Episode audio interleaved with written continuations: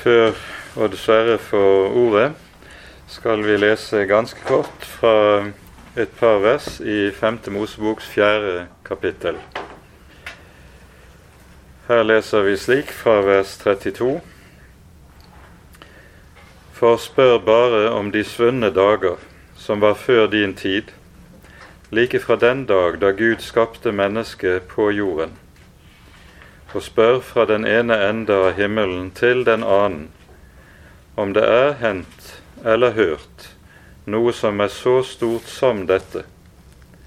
Har noe folk hørt Guds røst tale midt ut av ilden, slik som du har gjort, og enda blitt i live.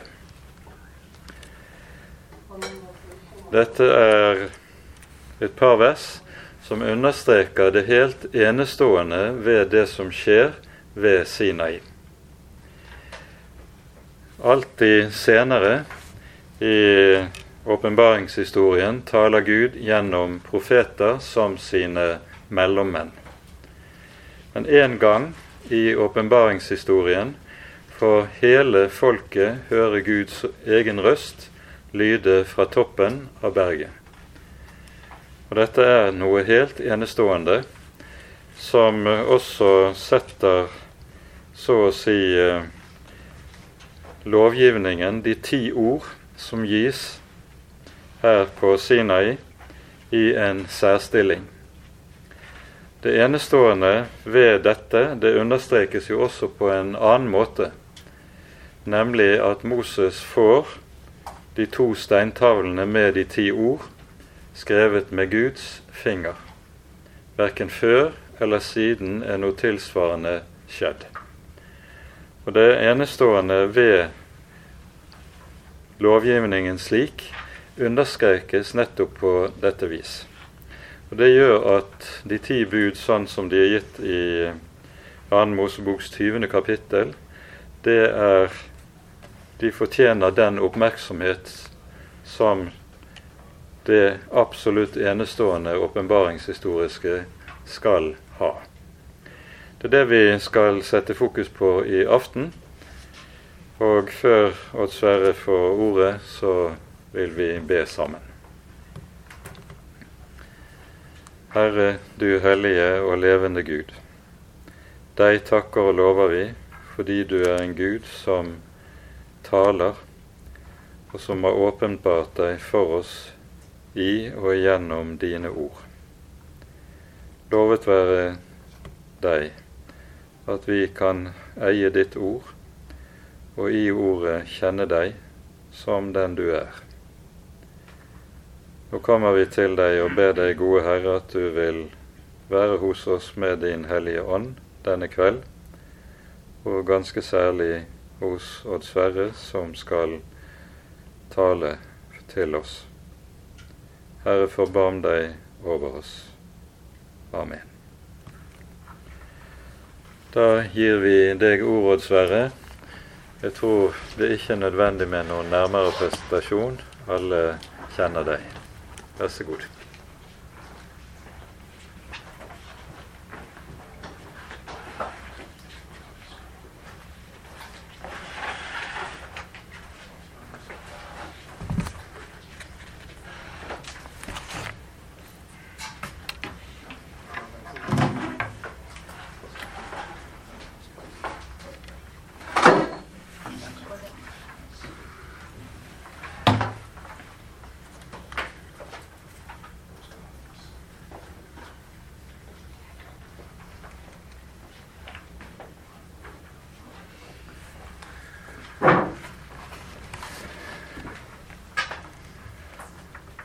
Tror jeg må begynne med å si test, test, test.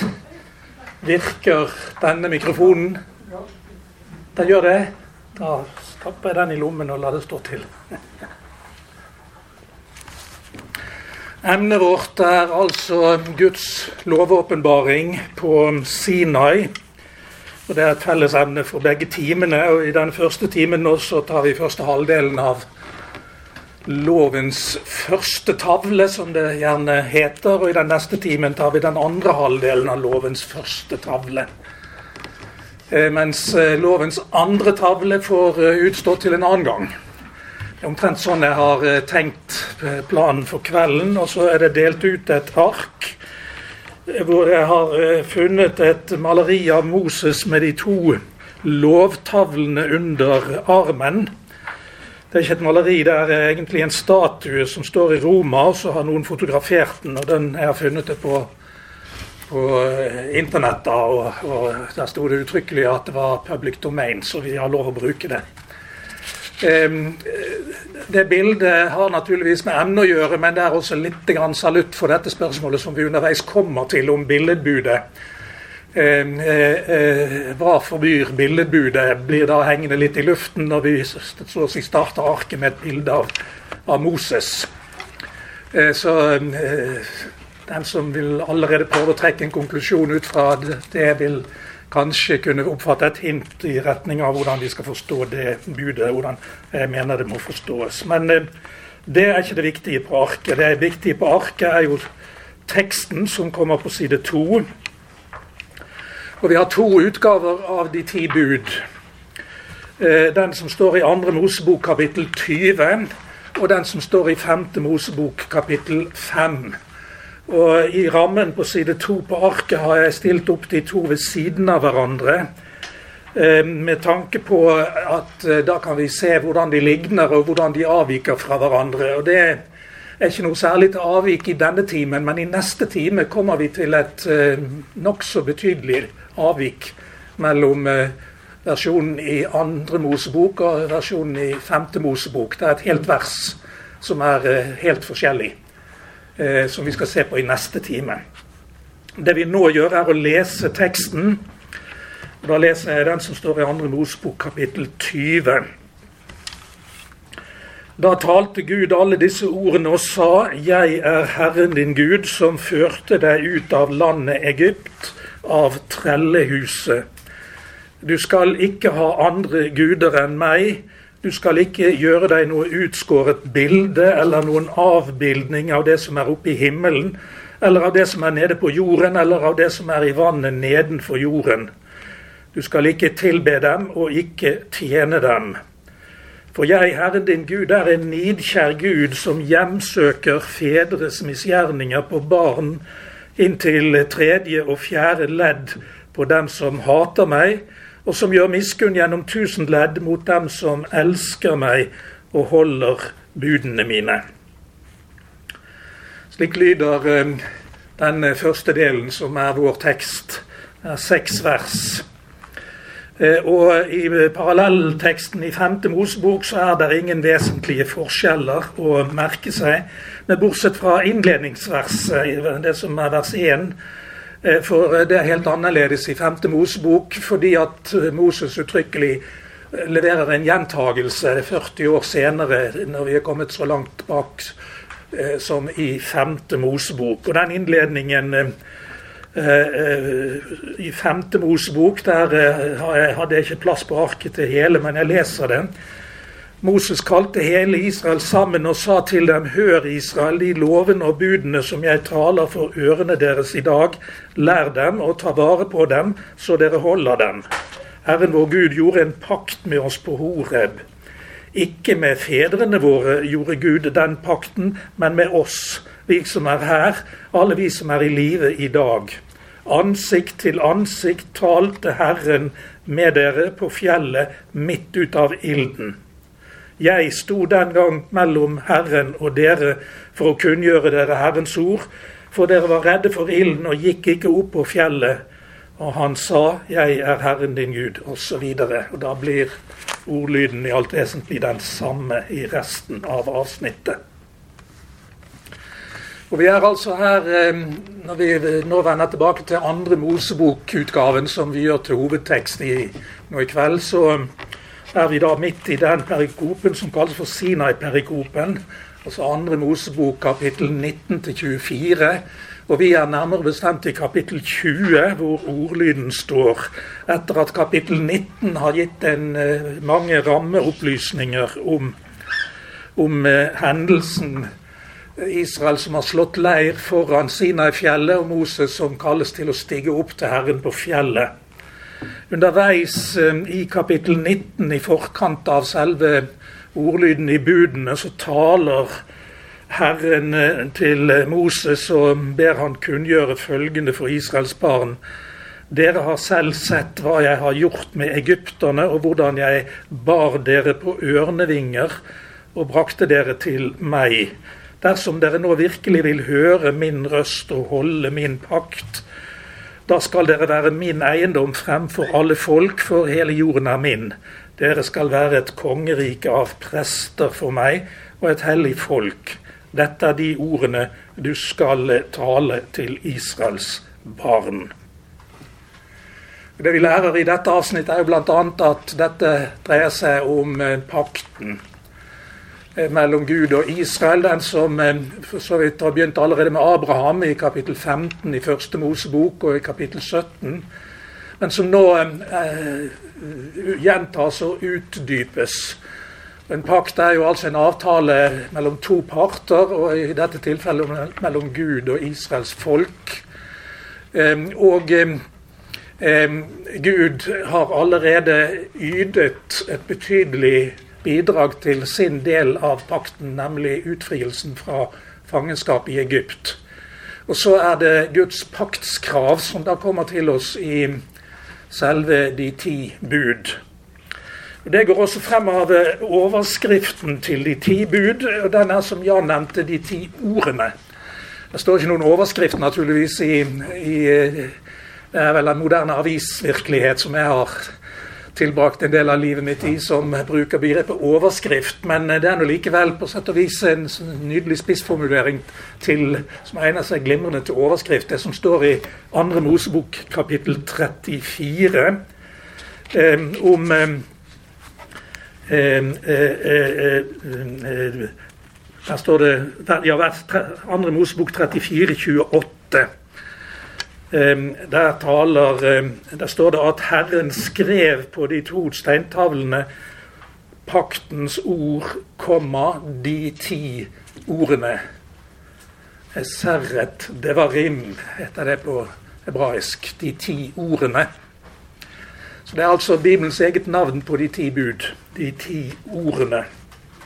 Gjentas noen andre steder lenger utover, bl.a. i 5. Mosebok 4.13 og i 5. Mosebok 10,4, det uttrykket der, de ti ordene.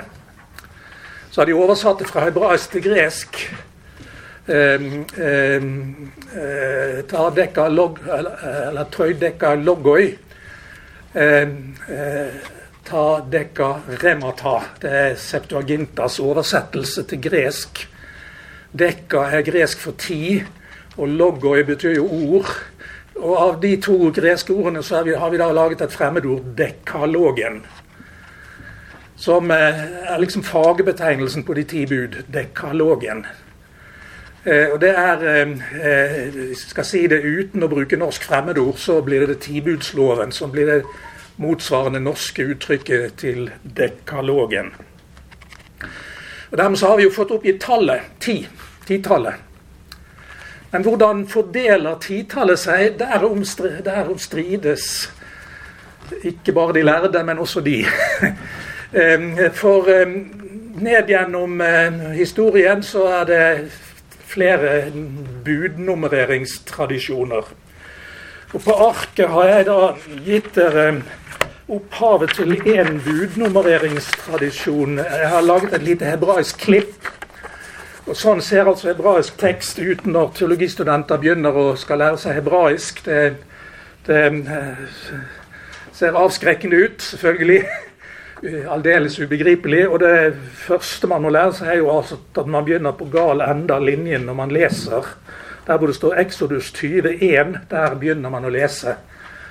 Eh, X er jo det, forkortelse for Exodus, som er det eh, ja, skal vi kalle det internasjonale navnet på andre Mosebok. Eh, det å gi dere en smaksprøve på hebraisk er naturligvis bryet verd, eh, men eh, det er ikke derfor jeg har limt det inn her. Men en av de tingene som frustrerer oss teologistudenter når vi med pekefingeren tar oss frem i hebraisk tekst, det er at når vi er ferdig med den hebraiske teksten så slutter verset med to prikker som ser ut som kolon. En veldig tykk og fet kol, type kolon. Og Hvis du ser på den første linjen helt bort til venstre, så står det to prikker som ser ut som kolon, og da er vers 1 ferdig. betyr de to prikkene. Men deretter dukker det opp en bokstav til. Og teologistudenter klør seg i hodet og lurer på hva i all verden det der er for noen ting. Og læreren nøyer seg vel ofte med å si at bare ikke bry deg om det. Det er ikke bibeltekst. Men jeg har altså funnet ut hva det er.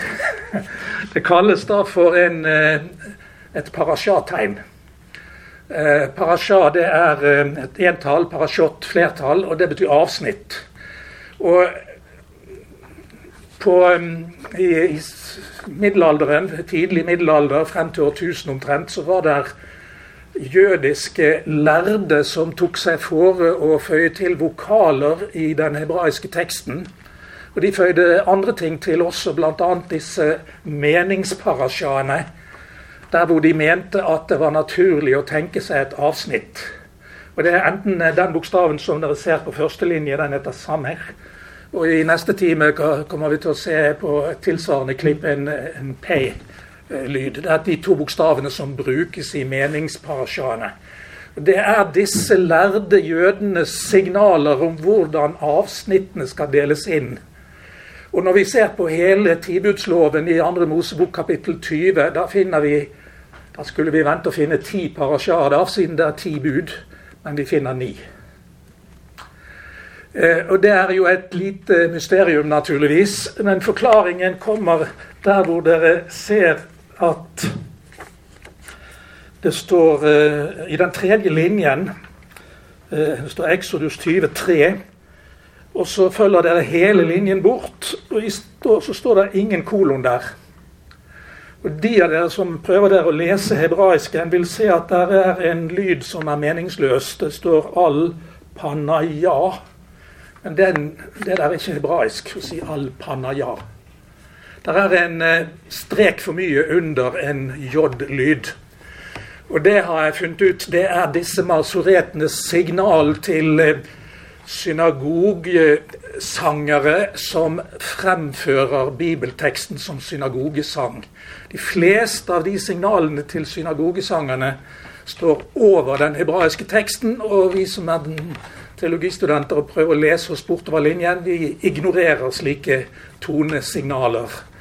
Men jeg har et par ganger hatt gleden av å høre askenasiske jøder synge hebraisk bibeltekst.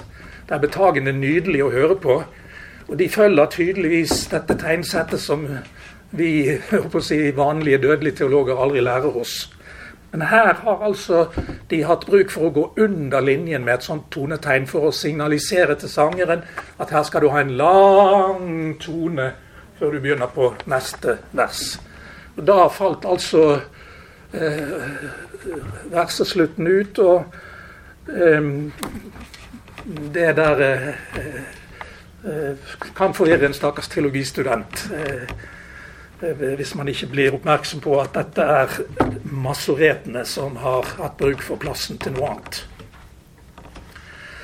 Ok, En liten smaksprøve for å signalisere at budnummereringen finnes allerede i form av slike meningsparasjer. I femte Mosebok er det ti avsnitt, i andre Mosebok er det ni avsnitt og ett ufullført avsnitt, som vi nå har nevnt. Ehm, så det betyr at de eh, kommer i mål med ti avsnitt egentlig begge steder. Ehm, da får vi et signal om hvordan disse lærde jødene i middelalderen mente rekkefølgen mellom budene skulle være. Men ehm, i eh, oldtiden var det toneangivende jøder i Alexandria som mente noe annet. Filo og Josefus. Og de eh, gikk inn for en annen budnummerering. Og så skjedde følgende. Eh, kirkefedrene før Augustin de hørte på Filo og Josefus og nummererte budene slik som de sa. Eh, Augustin derimot, han hørte på disse masoretene, så han satt eh, Eller, eller det, det, det, må være en tidlig utgave av det, de, for de er jo etter augustinske, alle masoretene. Så, men tradisjonen må jo være eldre enn de. Eh, Augustin lanserte en alternativ nummerering av budene. Og opp gjennom middelalderen fulgte Romerkirken Augustin mens østkirkene fulgte de eldste kirkefedrene, og eh, Luther fulgte Romerkirken og Augustin. Eh, Luther satte sitt særegne preg på det hele, men basalt sett er Luthers budnummerering i samsvar med middelalderkirken og Augustins syn, og disse masoretenes syn. Så røttene til de forskjellige eh, budnummereringene er altså egentlig Eh, to forskjellige jødiske skoleretninger som har influert på to kristne retninger.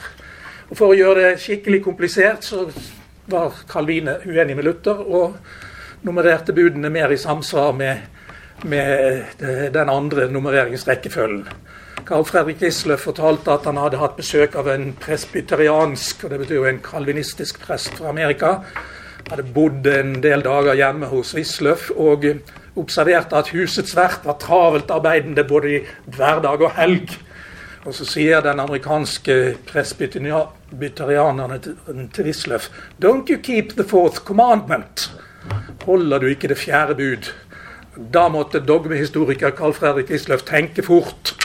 Han er kalvinist. Fjerde bud det er det vi kaller tredje bud. Det er hviledagsbudet. Og eh, han mente at Wisløff burde være flinkere til å holde hviledagen, var poenget med spørsmålet da. Eh, sånne forvirringer er det vel særlig når vi reiser til Amerika at vi støter på. Avhengig av hvem vi snakker med der, så nummereres budene ulikt. Men røttene til den historien er gammel. Vi har eh, brukt for lang tid på denne innledningen, og nå må vi jage i vei. Og da kommer vi til vers 1 da talte Gud alle disse ordene og sa Det er eh, innledningsordene. Og Her ligger det en egen vekt på begrepet ord. Eh, for eh, i det hebraiske grunnspråket så er verbet og objektet Ordene det er samme glose, samme ordfamilie. Davar. Det er Guds ord da ordet Gud alle disse ordene, hvis vi skulle bruke samme uttrykksmåte på norsk som på hebraisk. Men vi, det er jo ikke godt norsk å si det, så vi sier da talte Gud alle disse ordene. Samlebegrepet 'Herrens ord' forekommer jeg vet ikke, 280-290 ganger eller sånn tvers gjennom hele Det gamle testamentet. Et vold, er et voldsomt sentralt begrep i hele Bibelen. Og skal, det skal uh, lære oss å ha ærefrykt for uh, Guds talte ord. For det bor liksom som bagasje i uttrykksmåten tvers gjennom alle disse stedene at det er en tett forbindelse mellom et saksforhold og ordet som beskriver saksforholdet. Det er som om uh, glosen da var både handler om ord og om saken som ordet dreier seg om. Eh, for så vidt ikke god postmodernisme av Jacques Derridas type da, å si det at eh, ord og saksforhold klamrer seg tett sammen. Eh, og det er vel eldre problemstillinger i filosofihistorien knyttet til dette òg. Men vi får jo da dette tydelige signalet, og så er det jo en rød tråd som går til Johannesprologen, hvor det står at Jesus er ordet. Det blir jo da blir det jo enda tyngre egenvekt på den slags innledningsvers som vers 1 her representerer. Det er Gud som åpenbarer ordet sitt. Og åpenbare betyr at Gud drar til side forhenget for noe som er skjult, så det blir synlig. Det er en eh, nådig handling. Gud skjuler seg i utgangspunktet, men så åpenbarer Gud seg med ordet sitt. Så det er Guds åpenbaringsord dette dreier seg om, og derav fellesoverskriften for begge timene i dag, Guds lovåpenbaring på Sinai. Så kommer vi til vers 2. Gud innleder med å si 'Jeg er Herren din Gud, som førte deg ut av landet Egypt, av trellehuset'. I en del jødisk budnummerering så er dette et eget bud. 'Jeg er Herren din Gud'. Men eh, Luther tenkte ikke slik. Luther hadde jo en veldig mye tydeligere sondring mellom lov og evangelium. Og tankegangen i vers 2 er jo at Gud står frem med påminnelse om evangeliet. Det er et gledelig budskap. Det er en nådehandling at Gud har frelst Israel ut av trellehuset Egypt. Så Det er Guds forangående nåde så å si, som her signaliseres i det Gud presenterer seg i forkant av selve budordene. Så i Luthers katekisme er dette ikke regnet som et eget bud, men mer som innledning til budene. Det er den nådige Gud som vedstår seg sin del av pakten. Frelse, redning, berging, salighet, nåde og barmhjertighet. Og så sier den Gud som har ydet alle disse ting, du skal eller du skal ikke. Så det er en Guds forangående nåde vi møter i i denne innledningen. Og Frelsen fra trellehuset Egypt er Det gamle testamentets sentrale frelsesbegivenhet. Selve den store, det store budskapet om Guds frelse. Det er at Gud frelste Israel ut av fangenskapet i Egypt. Og I Det gamle testamentet fungerer det der som en modell på hvordan Gud vil frelse enda mer, enda veldigere på Golgata i Det nye testamentet. Slik at modellen blir som et mønster, et paradigme for hvordan Guds frelseshandling fungerer. Paradigmet møter vi så å si her, og fullbyrdelsen skal vi få høre om til påske, når evangeliet på nytt lyder da, når vi så langt kommer. Jeg er Herren din Gud, står det, med pronomen i annen person entall. Jeg er Herren din Gud, som førte deg ut av fangenskap i Egypt. Gud tiltaler Israel som folkekollektiv. Det er eh, du i betydningen folkekollektiv, men det er også du i betydningen enkeltindivid. Det er begge deler som bor i, i det der.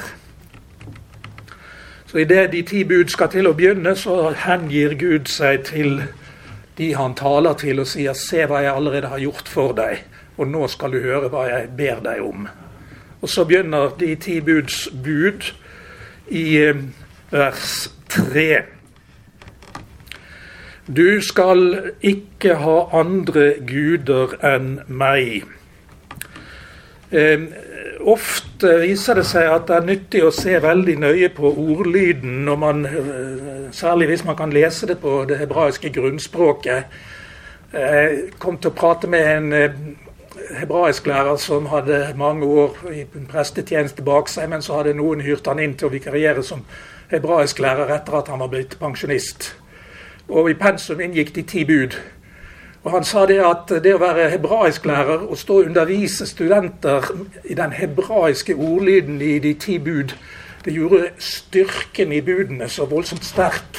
Det var så inntrykksfullt, eh, bl.a. fordi man jo nødvendigvis går langsomt frem når man sliter med et såpass fremmedspråk som hebraisk.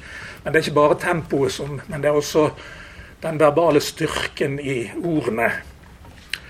Her eh, sier ordlyden 'ikke skal det eksistere eller være for deg andre guder' eh, i motsetning til mitt ansikt, eller i motsetning til meg, eller istedenfor meg.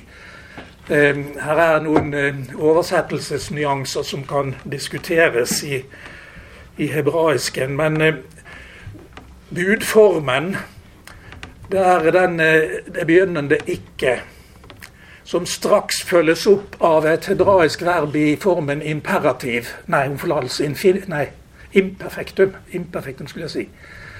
Eh, og det eh, skal være den sterkeste nekteformen som fins på hebraisk. Og min lærer på Medfakultetet, Ivar P. Seierstad, han var glad i uttrykket apodiktiske rettsetninger. Eh, det er jo et skikkelig fremmedord, selvfølgelig, men det er noe eh, kraftig autoritativt i en rettsetning som har denne type bydeform, var poenget hans. da. Eh, andre gammeltestamentlere har betont at de ti bud har såkalt devarim-stil, til forskjell fra mishpatim-stil. Mishpatim-stilen den er litt mer betinget og sier når prikk, prikk, prikk, da skal prikk, prikk, prikk. Eh, den har liksom dette forangående vilkåret. Eller hvis prikk, prikk, prikk, så prikk, prikk, prikk. Mens Deverin-stilen har denne veldig absolutte tonearten. Du skal ikke ha andre guder enn meg, eller foran meg, eller, eller det er gjerne best norsk å si 'enn meg'. Um, det er nesten ikke mulig å komme fra at dette her er aldeles entydig. Gud forbyr alle alternativer til seg selv. Eh, Gud er absolutt intolerant vis-à-vis -vis alternative gudestørrelser som mennesker kan finne på å tilbe. Og Det er eh, hovedbudet i de tibudsloven, dette her. Det skriver Luther i Store katekisme at dette er hovedbudet. Oddvar Johan Jensen, som var eh, professor her på Lærerakademiet inntil for noen få år siden, ga på 90-tallet ut en nydelig liten bok som het 'Katekismens teologi'. Og En av de tankene han fremholdt der, det handlet om hvordan Luther tenkte når han skrev Lille katekisme. Han tenkte at det skulle være tre plakater på veggen i alle heimer. Den første plakaten skulle inneholde de ti bud.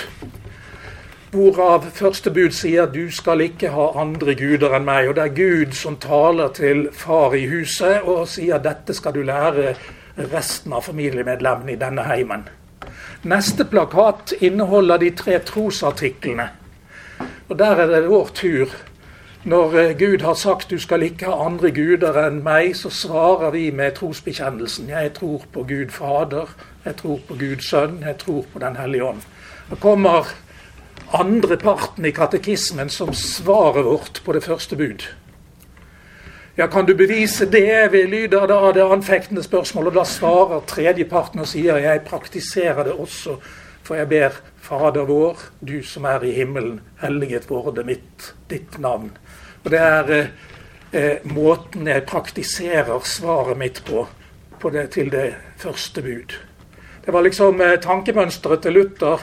Eh, han kom ut av tellingen da når han skrev katekismen, sånn at det ble fem parter istedenfor tre. Men Oddvar eh, mente at han startet med intensjon om, om tre parter. Men da på nattverd kom jo i tillegg, og det kom andre tillegg òg i katekismen, så det er jo greit.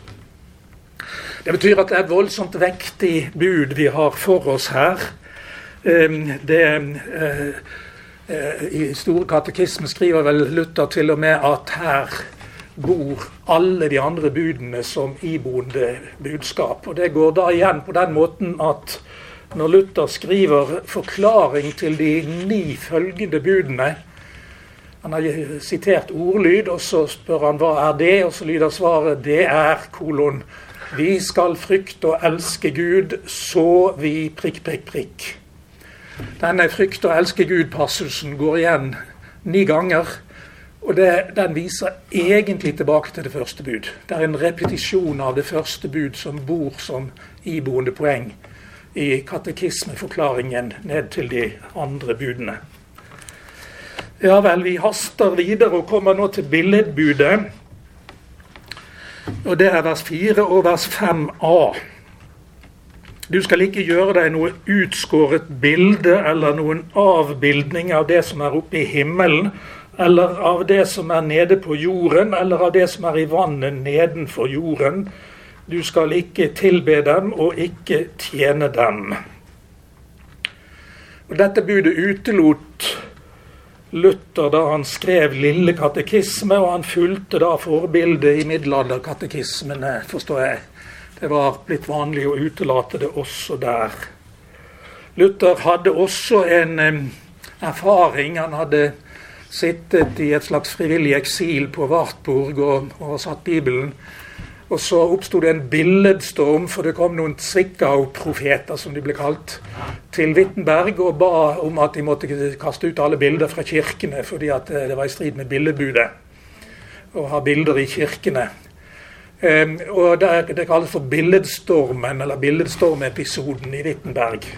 Da avbrøt Luther dette oppholdet på Wartburg og reiste til Wittenberg. Og så begynte han å holde en serie prekener mot billedstormene hvor han forklarte de hvorfor det er galt å kaste ut bilder, eh, selv om ordlyden i bildebudet er som den er.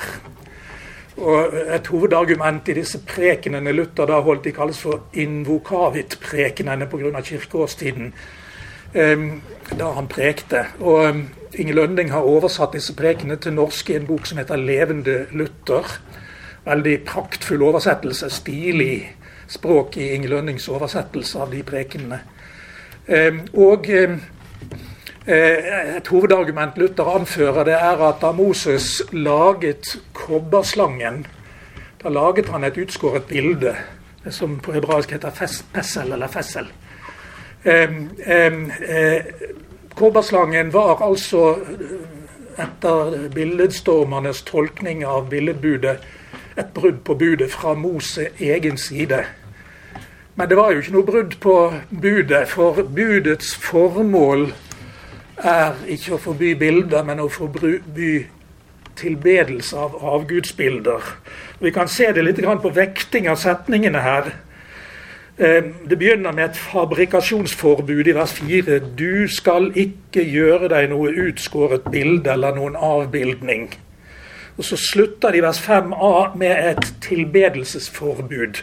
Du skal ikke tilbe dem og ikke tjene dem. Da må vi vekte så å si hva har krav på størst vekt av fabrikasjonsforbudet og tilbedelsesforbudet.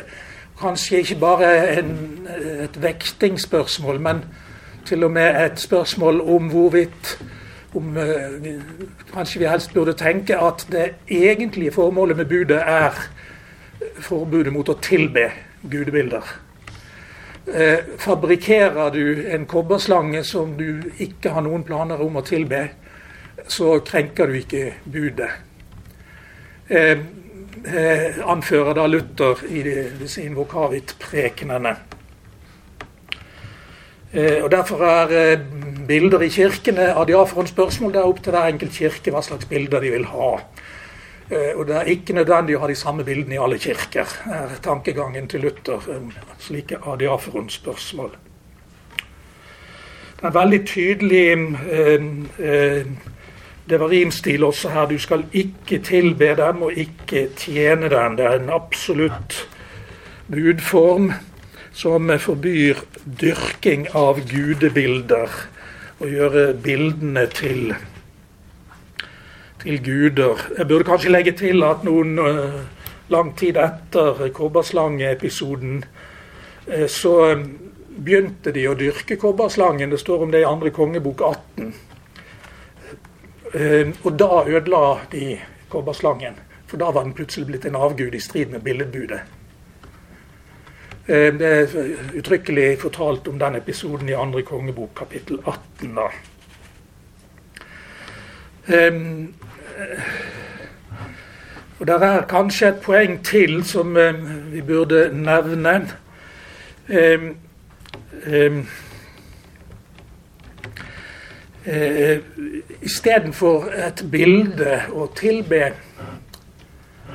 så har vi fått Guds navn å rette vår tilbedelse til, skriver Luther i Store katekisme.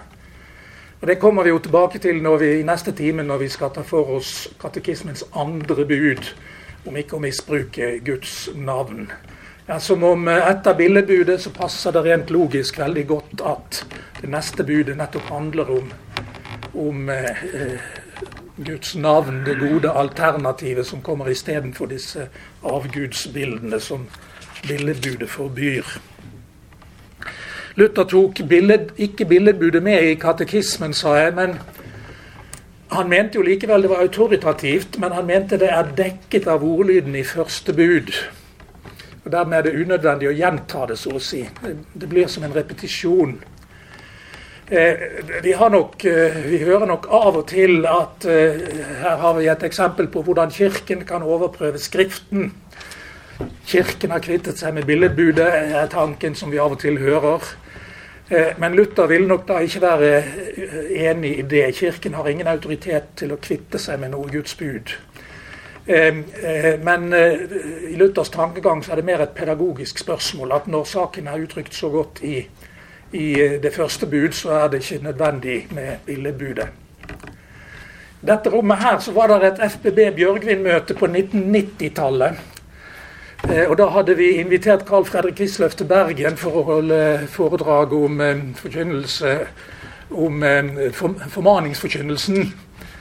Den gangen var Carl Fredrik Wisløff i live, og Arthur Berg var i live. Og han satt et eller annet sted bak her og hørte på Wisløffs foredrag. Og En eller annen brakte opp dette spørsmålet om billedbudet i samtalen etterpå. og så brummet Arthur Berg en eller annen henvendelse til eh, Carl Fredrik Wisløff at det spørs om ikke Luther gjorde seg bjørnetjeneste da han strauk billedbådet. Ja, sa Carl Fredrik Wisløff, det kan vi jo absolutt tenke, sa han. Men på den annen side så er det irreversibelt. Gjort er gjort. Ehm, det lå liksom i luften da at egentlig er budet autoritativt fremdeles etter den basale meningen at det svarer til det første bud og på en måte konkretiserer det første bud. Eh, men altså eh, ingen som ser for seg at vi så å si skulle omskrive katekismen. Så det var altså et signal her for 25 år siden eller noe sånt i dette forum som, eh, som var litt oppe i luften, ja. Vi haster videre til det tredje avsnittet vi skal ta for oss i dag, eller i denne timen. Og Da kommer vi til et motiveringsledd for eh, eh, budene. Eh, I alle fall for det første bud, men kanskje mest sannsynlig for begge de to første budene. Både eh, bud nummer én og billedbudet. Og motiveringsleddet begynner i 5b og går til utvers 6. For jeg, Herren din Gud, er en nidkjær Gud som hjemsøker fedres misgjerninger på barn inntil tredje og fjerde ledd på dem som hater meg, og som gjør miskunn gjennom tusen ledd mot dem som elsker meg og holder budene mine. Her er det både en domstrussel og et frelsesløfte i samme motiveringen. Og eh, Det begynner altså med dette, denne begrunnelsespartikkelen 'for', som viser at leddet er til for å begrunne. Eh, og Det er vel mest vanlig å tenke at det er begge de to første budene, både første bud og billedbudet, som her begrunnes. Og Det begrunnes med opplysningen om at Gud er en nidkjær Gud. El kana. Det er et helt felt av betydninger på dette ordet kana. Eh, vi har altså fått eh, gjengitt med ordet 'nidkjær'. Eh, det er betydninger som sjalu, misunnelig, ivrig, glødende og brennende kjærlighetsvilje, full av brennhug. Og altså litt svenskinspirert 'nidelskan', tror jeg svenskene sier. Nidelskan. Det er altså et kjærlighetsbegrep eh, som vipper over i sin egen motsetning og blir nid. Eh, en nidkjær eh, eh, Gud er en nidkjær Gud. Gud er en sjalu Gud. Eh, en litt mer eh, primitiv måte å si det samme poenget på. Eh, det er eh, den skuffede kjærlighetsreaksjonen som heter sjalusi. Gud elsker inderlig, men kjærligheten blir ikke gjengjeldt. Og så blir Guds kjærlighet en skuffet kjærlighet. Og da reagerer Gud med nidkjærhet. Startpunktet er altså Guds kjærlighet, men reaksjonen er jo likevel da den motsatte. Og Denne nidkjærhetsreaksjonen den er da beskrevet med en handlemåte. Gud har en egen handlemåte når Guds nidkjærhet reagerer. Gud hjemsøker fedres misgjerninger, står det her. Hjemsøke betyr å straffe, kreve til regnskap, eh, altså hjemsøke. Eh, og eh, når Gud hjemsøker, så retter han det mot fedres misgjerninger. Her er en kraftig betoning av fedre. Som antagelig signaliserer til oss at vi har prekt litt for svakt til fedre. For Bibelen bruker sterkere skyts enn mye kristen forkynnelse gjør. Eh, det er en patos når eh, Bibelen taler til fedre. Det er som om det er en, eh, tungvektig undertone av strenghet. Fedre har et særeget ansvar som Gud legger stor vekt på, fornemmer de her. Gud hjemsøker fedres misgjerninger. Og hvem, hvem er målområdet for Guds hjemsøkende straff? da? Jo, det er over barn i tredje og fjerde generasjon når det gjelder dem som hater meg, sier da dette leddet. Barn, ja, det er en oversettelse av et hebraisk ord som strengt tatt betyr sønner. Banim i flertall. Um, um, det er sikkert riktig å oversette det med barn, men um, i lys av denne betoningen av fedrenes rolle det kan være greit å ha den i baktankene mens vi tenker på disse barna, da. For det er ikke småbarn det uttales, den uttales om dette her, men det er voksne barn. Og Tankebildet det, bak denne nidkjærhetspassusen det er bildet av eh, beduinfamilien i en stor teltleir, hvor oldefar og oldemor på toppen er i live. Og så er det en generasjon under, og det er da bestefarsfamilier det er eh, sønner og døtre som er hver sine ektefeller, og deres barn igjen. Da har vi kommet ned i tredje generasjon. Og så springer det småbarn rundt og er fjerde generasjon. Kanskje til og med noen av disse småbarna er voksne, slik at vi har en femte generasjon i samme teltleir. Det er omtrent eh, det bildet vi må se for oss. Og Det Gud da sier, det er at han er tålmodig og langmodig. Men hvis familiefedrene hos tippoldefar og oldefar og bestefar og far. Og hele serien ned i setter igjennom at vi vil hate Gud. At det er vår trosbekjennelse. Da reagerer Gud med nidkjærhet. Det er eh, det tankebildet dette uttaler seg om. Så denne si, søndagsskolereaksjon som sier at det er fælt at Gud eh, straffer barna for det som fedrene eh, forgår seg med. Men det er ikke det bildet som tegnes når vi tenker nærmere etter det her storfamiliemønsterets Når en hel serie med slike generasjoner er sammen. Og så er det jo denne, dette utsagnet om å hate Gud. Det motsatte kommer jo da til i det neste leddet om de som elsker Gud. Hate og elske det er to, et motsetningspar som egentlig er nokså avgjørende i denne delen av tibudsloven. Det neste leddet det sier altså at uh, Gud gjør miskunn gjennom tusen ledd mot dem som elsker meg og holder budene mine. Miskunn det er en viktig glose her. Guds miskunn. Og Den glosen kjenner vi fra alle gudstjenester. Da synger vi på gresk. Vi synger 'Kyrie eleison'. Og så oversetter vi det til norsk og sier 'Herre, miskunne deg'. Det er miskunnbegrepet. Og Vi har det fra Bartimeus i evangeliefortellingen. Det er han som sier det første gangen. 'Kyrie eleison', sier han. 'Herre, miskunne deg'. Og Det er det miskunnsbegrepet vi har her. Gud viser miskunn i tusen ledd. Eh, vi er ikke langt fra uendelighetsbegrepet når vi er kommet til tusen ledd. Så jeg tror eh, pekefingeren i selve uttrykksmåten tusen ledd den er nokså nær på uendelighetsbegrepet. Jeg skal ikke påstå at er eh, at vi skal sette likhetstegn, men mm, jeg tviler på at det er veldig stor forskjell, iallfall. Men det går. Gud viser miskunn i tusen ledd mot dem som elsker Gud. Og så står det ikke punktum, men det står 'og holder mine bud'. Det er eh, voldsomt sentralt, for der er selve definisjonen av det å elske Gud. Å elske Gud er det samme som å holde Guds bud. Og vi er midt i tibudsloven her. Eh, så det handler om de budene som vi nå driver og studerer. Å definere kjærlighet til Gud, det er, får vi rett og slett i kraft av disse ti budene. Og Vi har det i Det nye testamentet, hvor eh, Jesus sier dersom det er Johannes 17, 15, dersom dere elsker meg, da holder dere budene mine. Da sier Jesus akkurat det samme som vi altså ser her i vers 6. Å elske Gud, det er å holde budene hans. Ja vel, da har vi syklet raskt gjennom eh, første bud og billedbudet pluss dette motiveringsleddet. Og da tror jeg det er fornuftig å ta pause. Og så eh er det meningen da å gå videre i neste time.